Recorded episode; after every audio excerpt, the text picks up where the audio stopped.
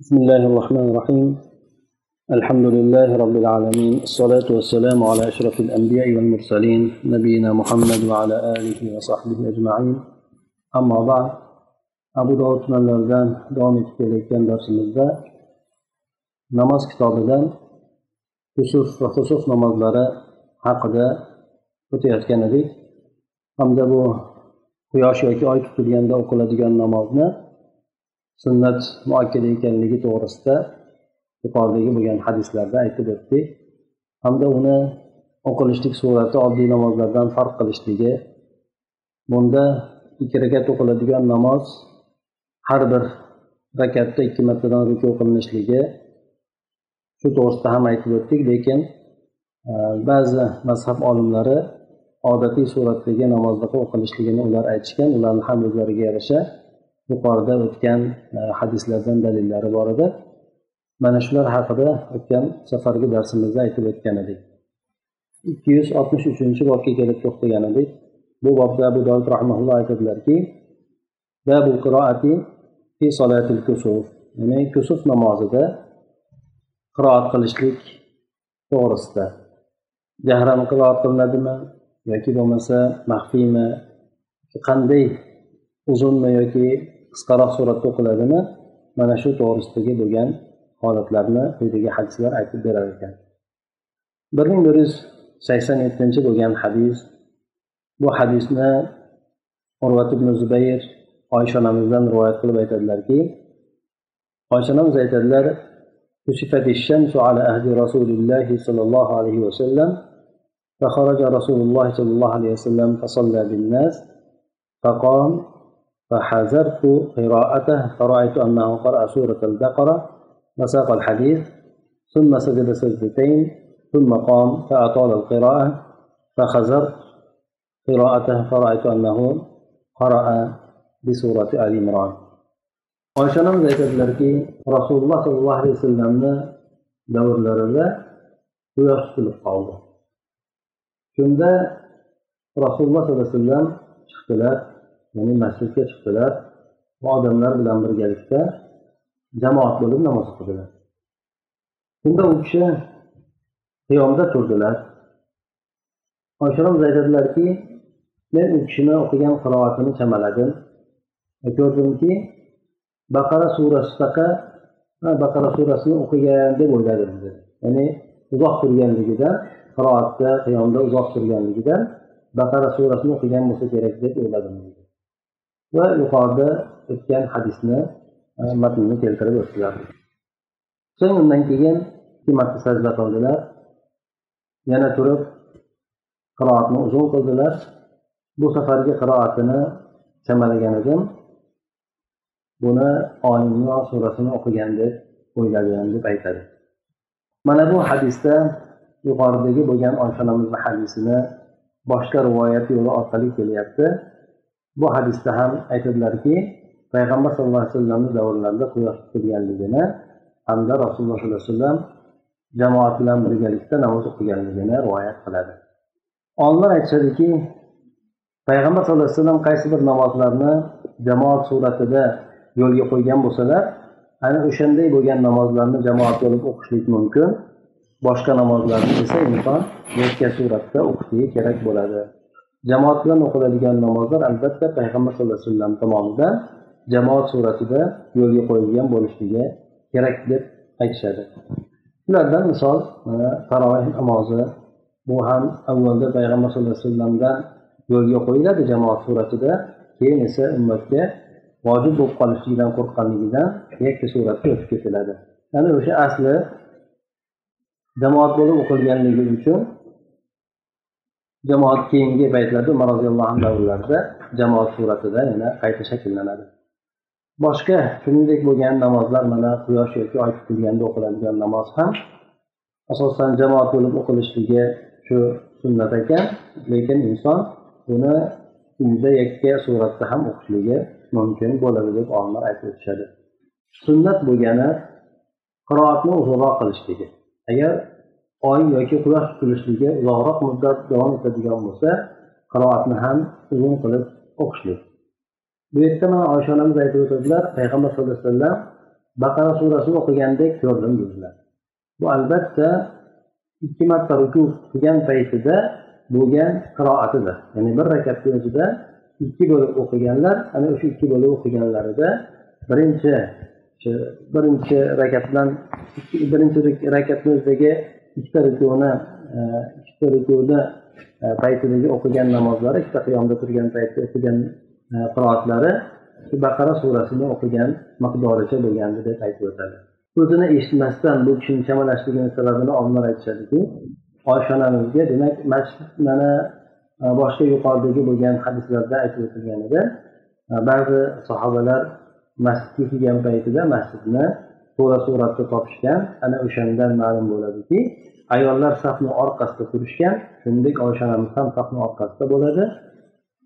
Qiroatni to'liq suratda eshitolmaydi ana o'shandan bu kishi turganligini chamalagan xolos deb aytib o'tiladi. Ba'zi olimlar yuqorida hadislarni aytayotganda aytib o'tuvdik ya'ni qiroatni jahran emas balki sirran o'qilaveradi deb aytishgan bunga shu kabi rivoyatlarni ular ham dalil qilib keltirishgan. Bu agar qiroat aniq bo'lganda edi mana ibn abbosni ham e, rivoyatida keladi mana oysha ham rivoyatida kelyapti. Bu yerda ular chamalaganligi. E, ba'zi rivoyatlarda keladi mana bundan keyingi hadisda aytib o'tiladi u narsada esa ochiq suratda e, oshkor o'qiganligi aytib o'tiladi.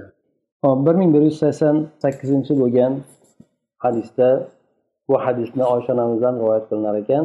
U kishi aytadilarki أن رسول الله صلى الله عليه وسلم قرأ قراءة طويلة فجهر بها يعني في صلاة الكسوف buni imom muslim va imom buxoriy ham rivoyat qilgan ekan oysha onamiz bu hadislarda oshkor suratda mana aytib o'tyaptilar rasululloh sollallohu alayhi vasallam yusuf namozlari namozida qiroatni uzun qilgan edilar va unda qiroatni oshkor o'qigandilar deb aytib o'tadi yuqorida mana aytib o'tgan edik qiroatni qanday o'qilishligi to'g'risida mana bu hadis demak oshkor payg'ambar alayhissalom jamoat bilan o'qigan paytlarida qiroatni jahran o'qiganligini aytib o'tyaptilar mana shundan olimlar imom buxoriy va imom muslim hadislarga suyangan holatida qiroatni jahriy qilishlik sunnat bo'ladi deb aytib o'tishgan bir ming bir yuz sakson to'qqizinchi bo'lgan hadisda esa bu hadisni ibn abbos roziyallohu anhudan rivoyat qilinadi u kishi aytadilarki خسفت الشمس فصلى رسول الله صلى الله عليه وسلم والناس معه فقام قياما طويلا بنحو من سورة البقرة ثم ركع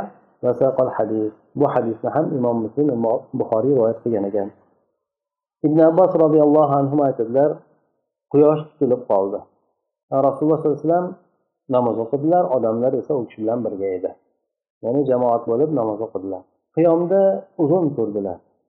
Taxminan baqara surasiga yaqinroq turdilar so'ng ruku qildilar deb ibn abbosni yuqoridagi bo'lgan rivoyatlarini davom ettirib aytadi. Bu yerda ham qiroat to'g'risida aytib o'tganlarida baqara surasini atrofida o'qidilar dedi. Baqara surasi taxminan o'sha baqara surasi atrofida o'qidilar deb aytib o'tdi. Shundan olimlar aytishadiki degani bu yerda baqara surasini atrofida degani ibn abbos bu yerda ta'lim surasida aytyaptilar dedi. Bundan anglashilmaydiki chamalayotganligi anglashilmaydi balki inson o'qiydigan bo'lsa shunday uzun sura o'qishligi. Baqara sura atrofida yoki o'sha atrofdagi bo'lgan suralarni o'qishligi shu narsani aytib o'tyaptilar dedi. Mana shundan demak bu e, qiroatni jahriy qilganligi hech qanaqangi ziddiyati yo'q deb aytishadi.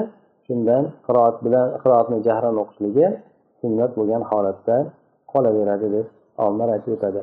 uch yuz oltmish ikki yuz oltmish to'rtinchi bo'lgan bobda esa abu dovud rahmaulloh aytadilarki bab bab yunadi fi hadis solati yoki yunada desa ham bo'ladi yunadi desa ham bo'ladi bunda namozga nido qilinadi o'sha yusuf namozi bo'ladigan bo'lsa buni bu bobda yusuf namozi bo'lganligi uchun o'shanga namozga deb odamlarni chaqiriladi bir ming bir yuz to'qsoninchi bo'lgan hadisda bu hadisni oysha onamizdan rivoyat qilinadi u kishi aytadilarki فأمر رسول الله صلى الله عليه وسلم رجلا فنادى أن الصلاة جامعة buni imom muslim rivoyat qilgan ekan Imom buxoriy esa taliqan buni keltirib o'tgan ekan.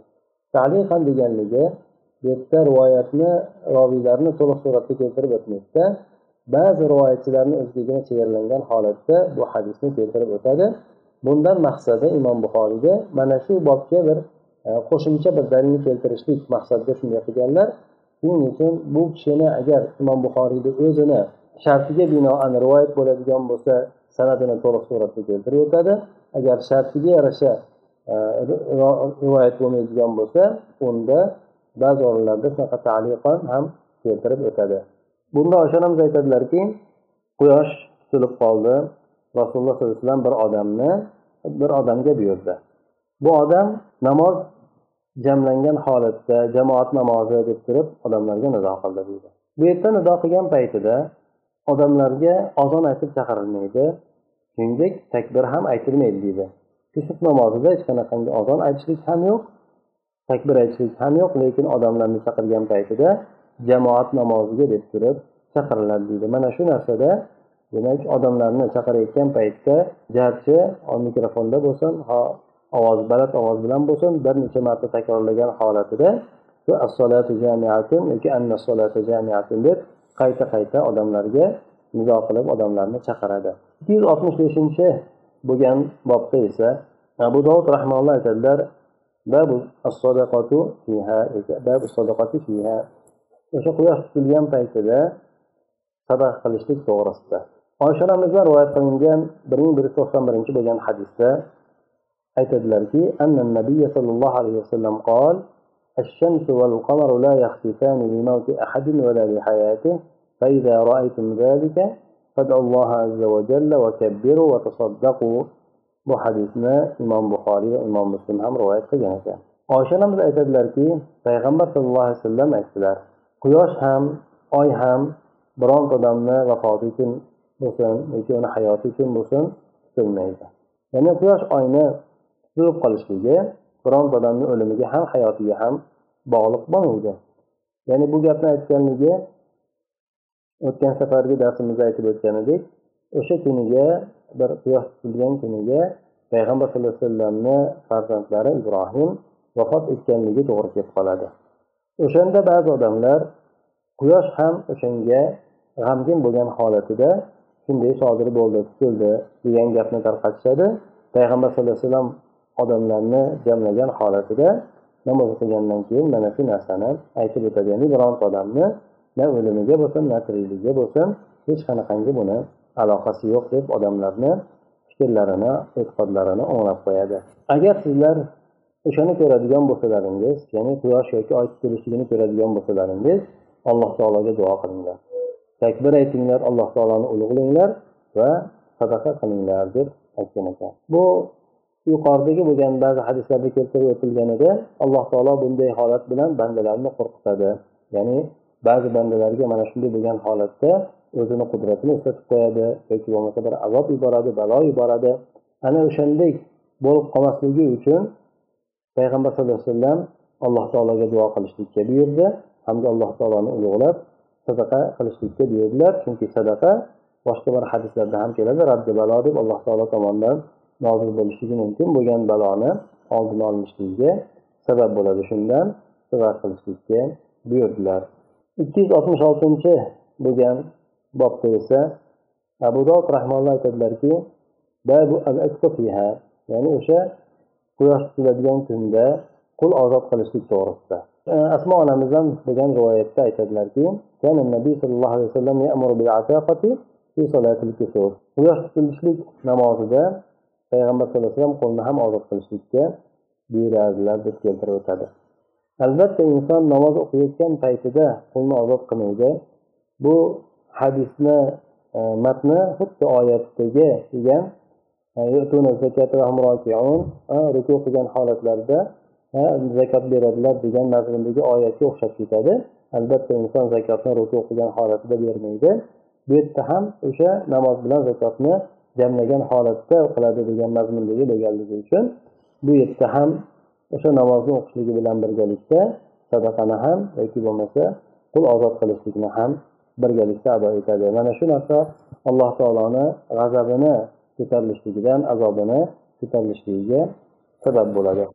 Demak inson qo'ldan kelgan yaxshilikni qilishligi qo'l ozod qilishlik bo'ladimi sadaq qilishlik bo'ladimi yoki boshqa yaxshi amallarni qilishlik bo'ladimi albatta yaxshiliklar yomonliklarni ketkazadi va undan tashqari insonlar tavba qilib yaxshilik qiladigan bo'lsa duo qiladigan bo'lsa alloh taolo ulardan kelishligi mumkin bo'lgan baloni ko'taradi. Ikki yuz oltmish yettinchi bo'lgan bobda esa abu dovud rahmonalloh keltirib aytadilarki ya'ni bu boblarda keltirib o'tadi.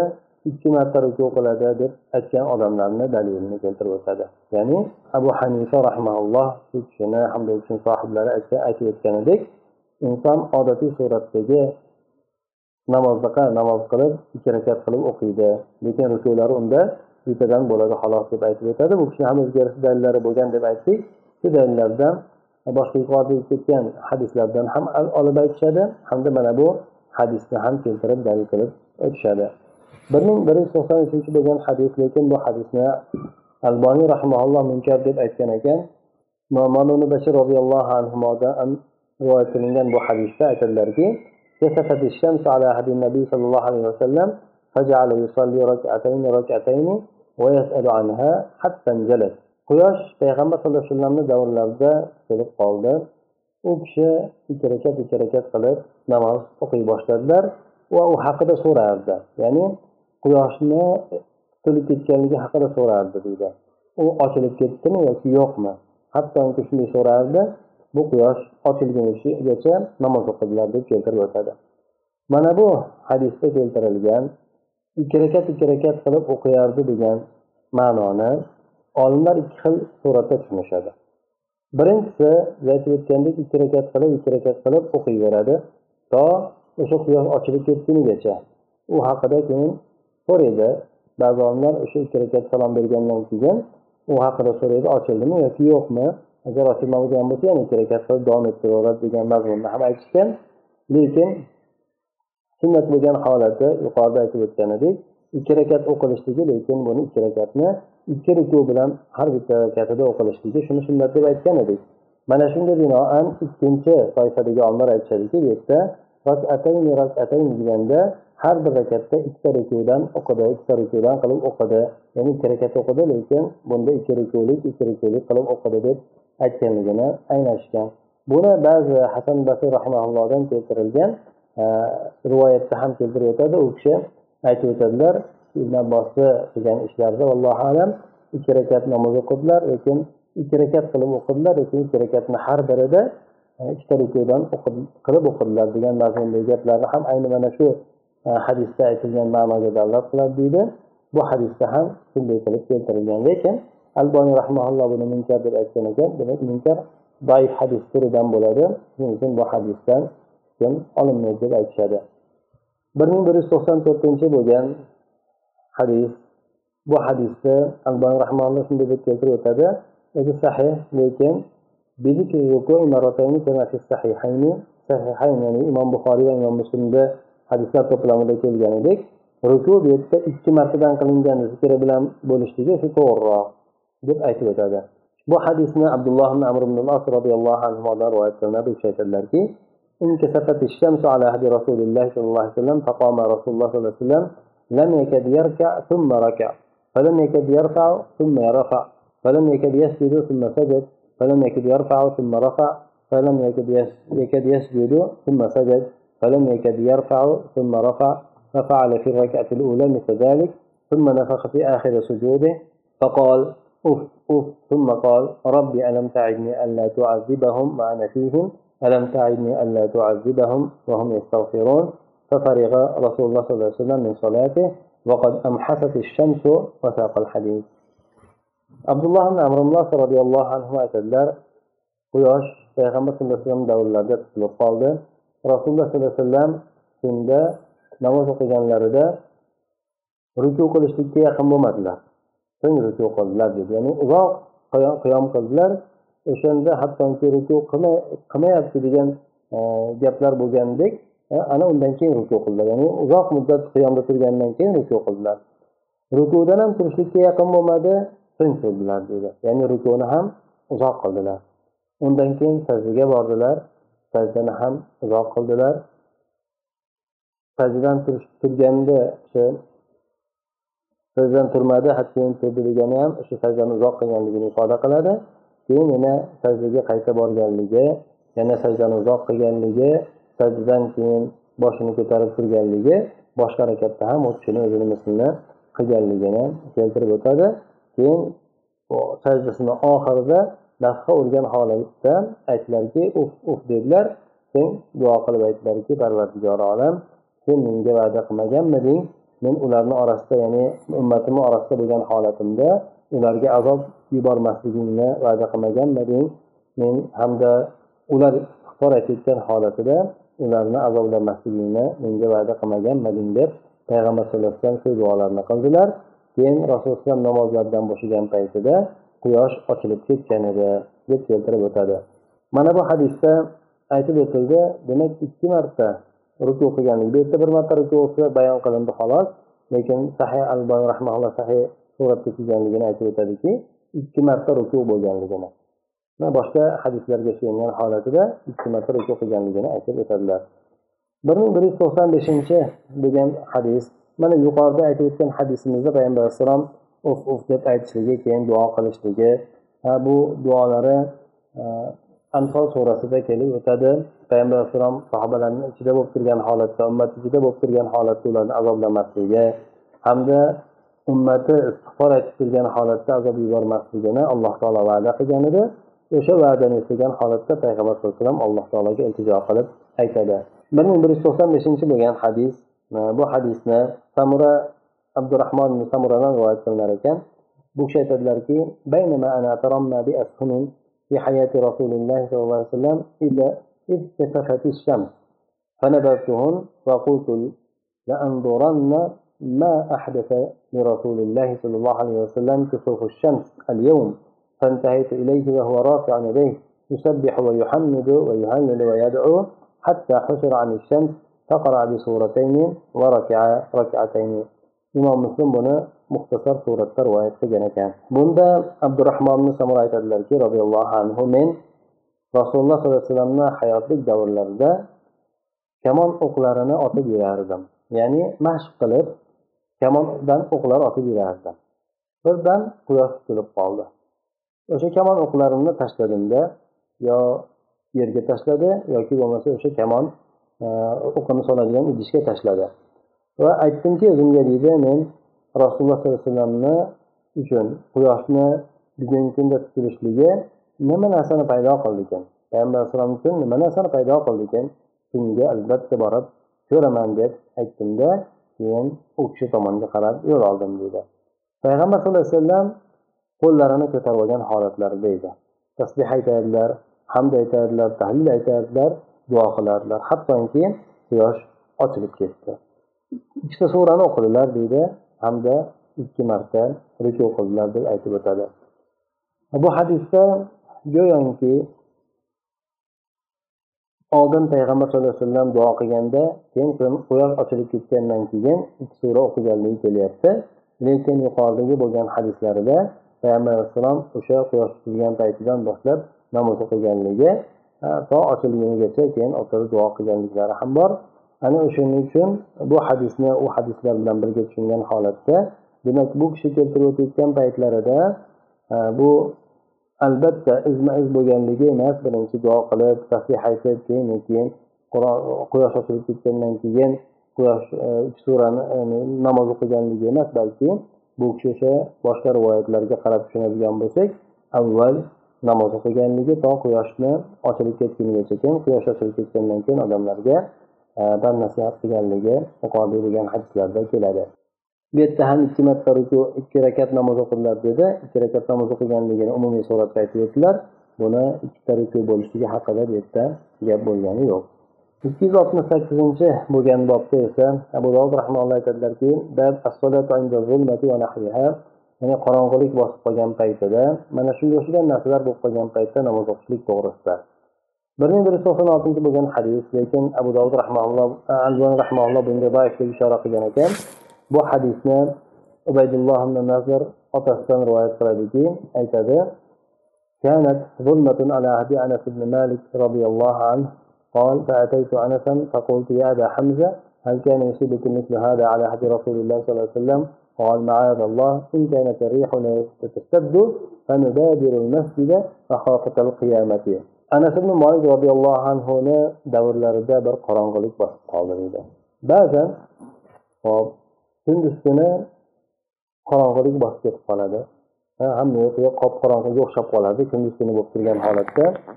Ana o'shanday holat bo'lganida men keyin anas ibn molik roziyallohu anhuni oldilariga keldim deydi bunda aytdimki abu hamza ya'ni anas ibn molikni kunyalari sizlarga mana shunday o'xshagan narsa payg'ambar alayhisalom davrlarida yetarmidi shunga o'xshagan narsa sodir bo'larmidi sizlarga ham dedi.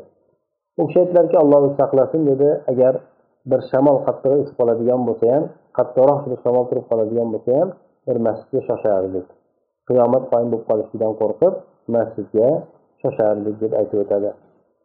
Demak inson bir odatdan tashqari holatlar bo'lgan paytida bu holatlar qorong'ulik zulmati bo'ladimi yoki bo'lmasa shamolni qattiq esishligi bo'ladimi yoki bo'lmasa e, zilzila bo'lishligi yo bo'lmasa yomg'irlarni juda qattiq sel bo'lib yog'ishligi xullas kalom qandaydir osmondan balo kelishligi mumkin bo'ladi balo bo'lib kelishligi mumkin bo'ladigan narsalar bo'ladigan bo'lsa albatta inson namozga shoshilishligi hamda alloh taoloni eslashlikka alloh taologa duo qilishlikka shoshilishligi kerak bo'ladi.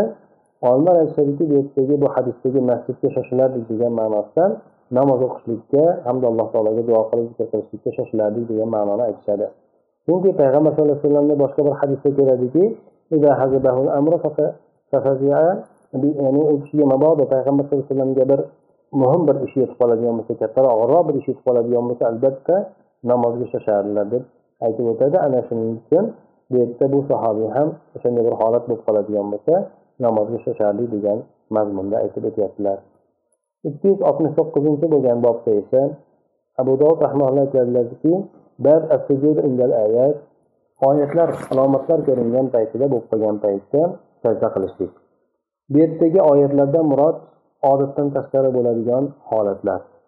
Bu tabiatda o'zgarib bo'ladigan holatlar ko'pincha yuqorida aytib o'tganimizdek zilzila bo'ladimi toshqin bo'ladimi yoki bo'lmasa juda qattiq sel bo'ladimi qattiq bo'ron shamol bo'ladimi shuningdek bo'lgan oyatlarda ya'ni odatdan tashqari bo'lib qolgan holatlarda sajda qilishlik to'g'risida ekan bir ming bir yuz to'qson yettinchi bo'lgan hadisda esa ikrimadan rivoyat qilinadi u kishi aytadilarki ibn abbas ماتت فلانة بعد أزواج النبي صلى الله عليه وسلم فخر ساجدا فقيل له تسجد هذه الساعة فقال قال رسول الله صلى الله عليه وسلم إذا رأيتم آية فاسجدوا وأي آية a'zomu min jihadi azvaji nabiy sallallohu alayhi vasallam ikrima bu ibn abbosni shogirdlari bu kishi aytadilarki ibn abbosga aytilib qolindi.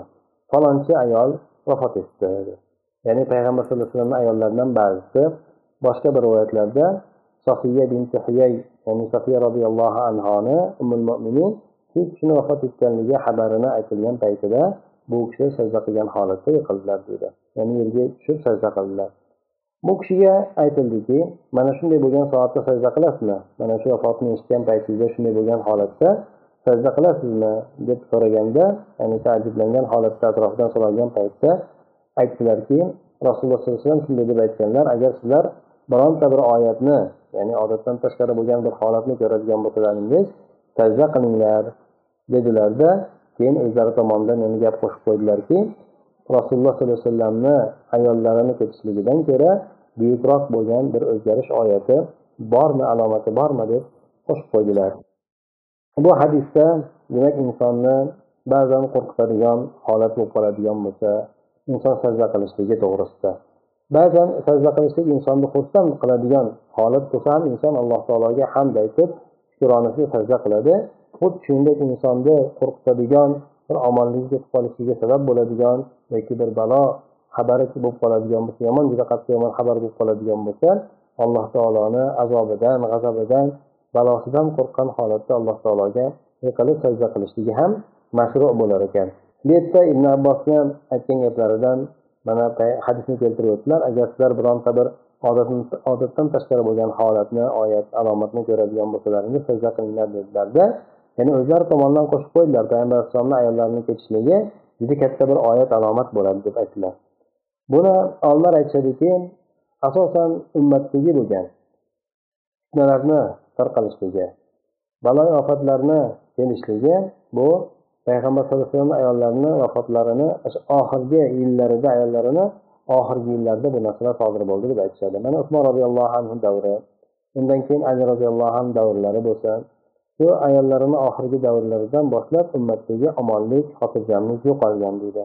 Bularni ayollari shu ummat uchun omonlik bo'lib turgan ana o'shandan ehtimol ibn abbosni ilmi ham bo'lgan bo'lishi kerak. Shuning uchun bu kishi shunday gapni aytdilar deb aytib o'tishadi. Shundan demak inson bir qo'rqitadigan bir qanday bir xunuk xabar bo'ladigan bo'lsa allohni azobi kelishligi to'g'risida insonda bir shunday bir alomatlar bo'ladigan bo'lsa shunday xabarlarni eshitadigan bo'lsa bunday bo'lgan holatda yoki inson o'zi ko'rgan eshitgan paytida bo'lsa ham sajda qilishligi sajda qilishligi albatta namoz o'qishligi emas to'g'ri e, yerga tashlab turib bir marta sajda qilib alloh taologa e, tasbeh aytishligi alloh taolodan duo qilib so'rashligi mana shunday holatlar.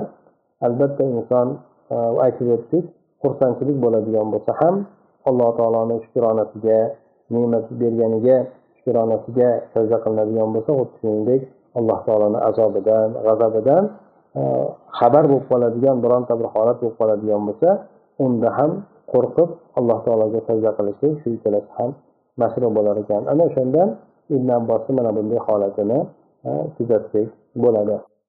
Undan keyingi boblar endi alohida e, safar to'g'risidagi bo'lgan boblar ekan. Shuning uchun ularni alohida keyingi safardan dars qilib boshlarmiz e, shu yergacha bo'lgan boblarda namoz kitobidan odatdan tashqari bo'lgan holatlar ya'ni quyosh tutilishligi bo'lsin oy tutilishligi bo'lsin yoki bo'lmasa qattiq bir esadigan shamol bo'lsin yoki bo'lmasa qorong'i zulmat qoplashligi bo'lsin yoki boshqa bir qo'rqinchli bir xabarlar bo'lsin ana shunday narsalar bo'ladigan bo'lsa albatta inson alloh taologa shoshilishligi duo qilib zikr qilib namoz o'qib chunki e, bunday bo'lgan narsalarni ortidan e, alloh taoloni balosi ham kelishligi hech gap emas balki payg'ambar sallallohu alayhi vasallam aytib o'tgandek alloh taolo bunday holatlar bilan bandalarni qo'rqitadi o'zini qudratini eslatadi yoki ba'zan esa shunday narsalar bilan balo yuboradi.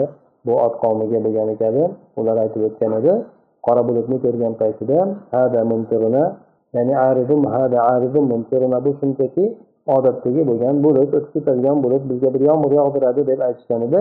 Lekin qora bulut ularga balonot qilgan edi ularni butun qishloqlarni yer bilan yakson qilgan edi ana o'shandek holatlar sodir bo'lib qolishligidan ehtiyot bo'lishligi uchun inson alloh taologa shunday balo kelgan paytlarida har qanday amal yaxshi amallar bilan yaqinlik hosil qilishligi bu keladigan balolarni oldini olishligiga sabab bo'ladi. Ana o'sha narsalarga chaqirib payg'ambar alayhisalom yuqoridagi bo'lgan hadislarida bir qancha ko'rsatmalar berib o'tdi. سبحانك اللهم وبحمدك نشهد ان لا اله الا انت نستغفرك ونتوب اليك اللهم انفعنا بما علمتنا وعلمنا ما ينفعنا وزدنا علما